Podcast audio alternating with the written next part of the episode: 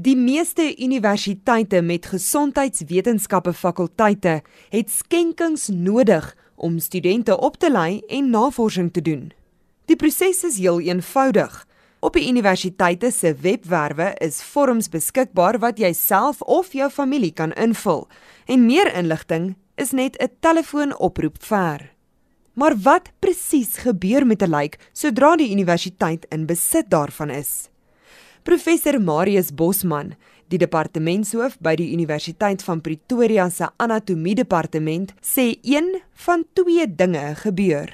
Ons werk met vars weefsel wat nou nie gebalsem is nie of die wat ons nou oor 'n lang tydperk gebruik soos byvoorbeeld met die mediese studente as hulle nou dissekteer en sulke tipe van goed dan balsem ons dit en dan gebruik ons dit vir meer as 'n jaar lank. Met betrekking tot vars weefsel word die skenkings gevries en dan ontdooi soos dit nodig is. Kyk as jy hom gevries het, dan kan jy hom vir 'n lang tydperk hou. Ons het groot vrieskaste hierso en en, en soos daai wat mense op die TV sien, sulke sulke deurtjies goede.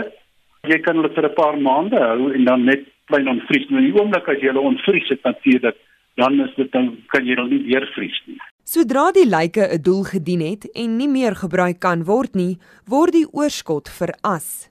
Professor Bosman sê die as word dan gestoor. Baie van die families verkies om nie die as te hê nie. Dan dit word nog steeds gehou. So ons ons kan dit as iemand later aan jare na die tyd nog van die as wil hê, dan kan ons dit nog steeds beskikbaar stel. Maar die mense wat dit wil hê, gee ons die as na na die verrassing terug. Dis nie veel nie, jy weet, as ek meen is maar 100 gram of so iets.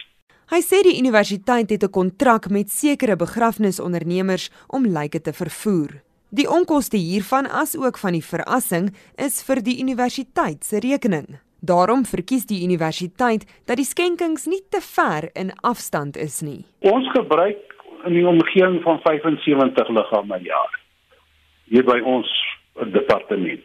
Ons het baie meer nodig as dit want ek praat nou net van die wat nou wel gebalsem word. Die wat ons vir vars weefsel gebruik, dis dit kom nog by. Hulle is nou nie so baie nie, maar ek sou sê dis omtrent nog 25. So jy kan gemaklik praat van omtrent 100 liggame. Professor Bosman wil ook mense gerusstel wat twyfel oor of hulle lyke moet skenk of die mediese opleiding en navorsing as lijkskending beskou. Dit is 'n ongelooflike geskenk. Jy jy kan die duurste geskenk uitdink wat jy nou wil. Maar uh, dit kan jy kan nie 'n beter ding doen as dit om mense toe te laat om of navorsing te doen of te dissekteer daarop nie, want jy kan vir jouself dink as jy nou 'n chirurg eendag gaan hê wat glad nooit gedissekteer het nie en hy gaan nou wil in jou begin sny. Hy het geen diepte persepsie nie, niks nie.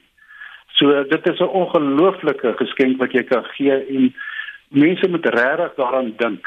Ons is verskriklik streng met die menslike weefsel wat ons het. Ons is onder die gesondheidswet ook wat ons verplig. Ons het 'n inspekteur van anatomie. Ek is die inspekteur van anatomie en lokoparentes hierso by die departement self. En uh hier word glad hier's niks so ding soos 'n liggaamskending of mense wat speel met verskillende liggaamsdele en sulke tipe van goed nie. So ek sê altyd vir die studente, dit is hulle moet dink hulle is werk met dalk 'n familielid. Professor Marius Bosman is die departementshoof by die Universiteit van Pretoria se anatomie departement. Ek is Henry Wondergem vir SAK nuus.